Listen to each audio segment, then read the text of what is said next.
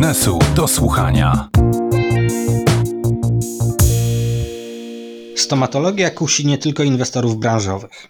Ostatnio zaczęły interesować się nią również fundusze private equity.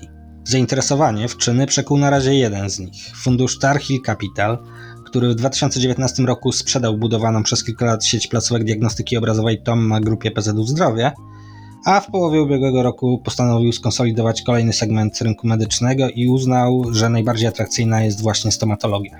Kupił do tej pory trzy kliniki w różnych miejscach Polski, a ja pytam Andrzeja Różyckiego, partnera zarządzającego w Tarhill Capital, dlaczego zdecydowano się na taką inwestycję.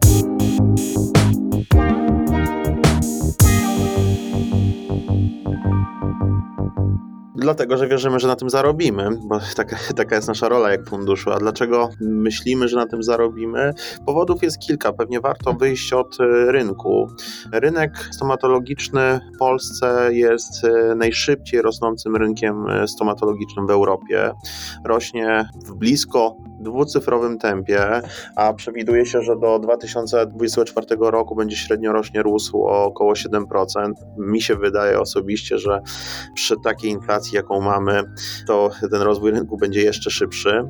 Jest to rynek też bardzo duży, o wartości przekraczającej 10 miliardów złotych i zdominowany przez podmioty prywatne. To wszystko, co jakby zaburza trochę inwestowanie w Polsce i zaburza przewidywalność, jeśli chodzi o sektor ochrony zdrowia, czyli duży udział dość e, nieprzewidywalnego gracza, jakim jest NFZ, czy konieczność konkurowania z podmiotami, które e, nie działają dla zysku, akurat w stomatologii nie występuje. Dodatkowo jest to rynek bardzo rozdrobniony, bo najwięksi gracze stanowią łącznie około kilka procent e, jego wartości, a na cały rynek składa się ponad 4000 indywidualnych praktyk. W mojej ocenie to też jest tak, że jest to rynek, rynek dwóch prędkości. Tak jeżeli mówimy, że on rośnie w tempie kilkuprocentowym, to tak naprawdę duże podmioty na tym rynku, a może nie tyle duże, co większe podmioty na tym rynku, rosną w dobrym, dwucyfrowym tempie, a nawet kilkudziesięcioprocentowym tempie rocznie, podczas gdy te mniejsze, jedno, dwustanowiskowe praktyki stomatologiczne rosną e, istotnie wolniej. W związku z tym wydaje się, że z punktu widzenia funduszu takiego, jakim jesteśmy my, konsolidacja tego rynku może mieć e, sens, bo po pierwsze mamy e, podmioty, które generują dość interesujące marże i mają ciekawy profil e, cashflowowy. Po drugie jest ich bardzo dużo, więc jakby jest duży potencjał do konsolidacji. Rynek rośnie, i e, to widzimy, że jest jeszcze szansa na istotną premię, tak zwaną premię mnożnikową. Jeżeli my dzisiaj kupujemy mniejsze podmioty, a sprzedawać będziemy podmiot większy, to wierzymy, że będziemy go sprzedawać relatywnie drożej. A co bierzecie pod uwagę, analizując potencjalne cele akwizycyjne w branży, bo na takim rynku rozdrobnionym i konkurencyjnym często o tym, czy pacjent przyjdzie do gabinetu, decyduje konkretny stomatolog, a nie szyld kliniki czy, czy inwestor za nią stojący. To jest e, taka obiegowa opinia, która jakby częściowo jest moim zdaniem e, prawdziwa. Natomiast warto pamiętać, że to, co większości ludzi kojarzy się ze stomatologią, czyli jakby taka stomatologia zachowawcza, która jakby powiedzmy dotyczy wszystkich z nas, to jest tylko część tego biznesu, bo jakby mamy bardzo e, wyspecjalizowane już dzisiaj usługi, które zdobywają coraz większą popularność wśród pacjentów bo to jest e, leczenie wad zgryzu, to jest implantoprotetyka, nie tylko estetyczna, ale też e, funkcjonalna, to jest ortodoncja, to jest w końcu też chirurgia, tak? I tak naprawdę właściwie nie można liczyć na to, że jeden lekarz i to jedno nazwisko jakby obsłuży pacjenta w tych wszystkich aspektach. Właściwie ci lekarze specjalizują się w jednej lub maksymalnie dwóch działkach, o których e, wspomniałem, a jest ich jeszcze kilka, o których nie wspomniałem, więc pacjent w czasie cyklu swojego życia potrzebuje bardzo różnych usług, których potrzebuje od różnych lekarzy i też jakby pojedynczy y, lekarz, pojedyncza praktyka nie jest mu w stanie tej usługi e, dostarczyć.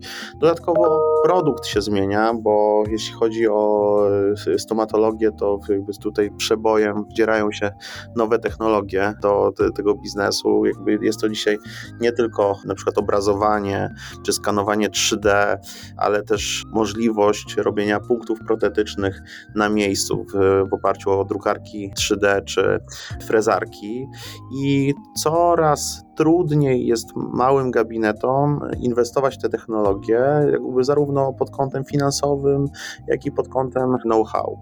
Więc w mojej ocenie coraz bardziej ten rynek będzie się przesuwał w kierunku większych graczy, w kierunku brandów, niekoniecznie brandów dużych, ogólnopolskich, ale faktycznie takich lokalnych, regionalnych praktyk o ugruntowanej pozycji, a lekarze oczywiście są najważniejsi w tym wszystkim i oni są kluczem powodzenia danej jednostki.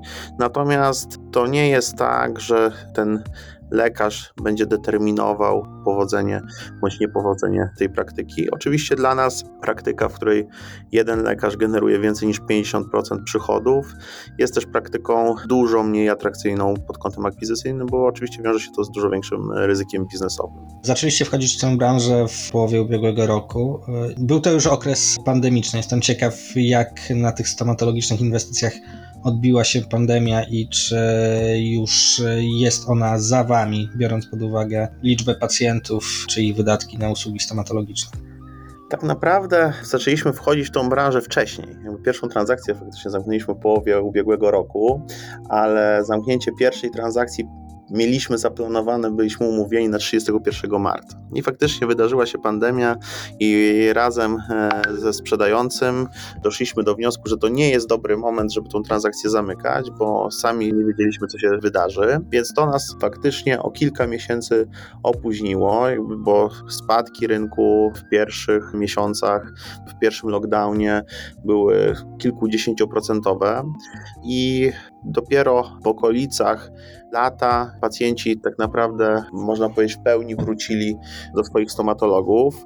To też jest tak, że ten rynek jest bardzo różny, bo jeśli chodzi na przykład o taką część jak turystyka stomatologiczna, która występuje, bo przylatują na przykład e, do Polski Skandynawowie po to, żeby wykonać e, duże prace stomatologiczne, to ten biznes e, jeszcze nie wrócił w dużej mierze, ale ten biznes lokalny można powiedzieć, że jakby jest już na wyższym poziomie niż był przed pandemią.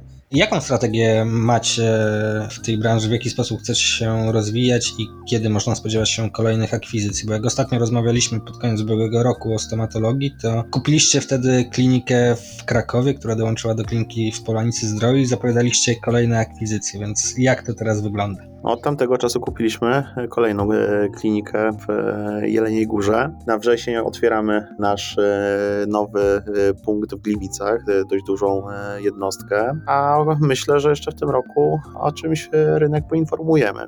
Cały czas pracujemy nad tym, żeby tą grupę rozbudowywać w oparciu o akwizycję, ale od tego roku i w, w, przyszłym też będziemy bardzo stawiać na rozwój organiczny i mamy w planach otwieranie nowych pracowni i myślę, że ta grupa, e, o ile dzisiaj w ciągu roku udało nam się e, zostać mocnym numerem 4 na rynku, to w przyszłym roku jestem e, przekonany, że będziemy na podium. A jaką macie strategię wyjścia i czy spodziewacie się, że do Polski mogą wejść kolejni inwestorzy, czy to branżowi, czy, czy finansowi, bo na zachodzie Europy inwestorzy finansowi, tacy jak wy, czy więksi, też próbują konsolidować branżę stomatologiczną. Ja myślę, że to, co robimy, sprawia, że jakby szansa, że wejdą kolejni gracze na ten rynek zagraniczni, istotnie rośnie, bo e, moim zdaniem główną barierą i głównym powodem, dla którego ci gracze się jeszcze w Polsce nie pojawili, jest to, że nie było atrakcyjnego podmiotu do przejęcia w rozumieniu jego skali. I tak jak lokalni gracze branżowi wzięli się za konsolidację stomatologii i tutaj prężnie działają, tak e, właściwie nikt e, od strony finansowej się za ten biznes nie wziął, bo nie jest to oczywiście proste zadanie, robienie wielu małych transakcji i konsolidowanie bardzo różnych podmiotów, e, tak żeby faktycznie one się rozwijały, a nie walczyły z różnego rodzaju problemami wewnętrznymi. My po tych kilku akwizycjach czujemy, że potrafimy to robić. Wszystkie podmioty, które przejęliśmy, nie sprawiły nam żadnych szczególnych, niespodziewanych problemów i wydaje nam się, że udało nam się ten model na tyle dopracować i postawić na taką współpracę ze stomatologami, która jest satysfakcjonująca e, dla obu stron. Bardzo dziękuję za rozmowę. Moim gościem był Andrzej Różycki, partner zarządzający w funduszu Tarhil Capital. Dziękuję.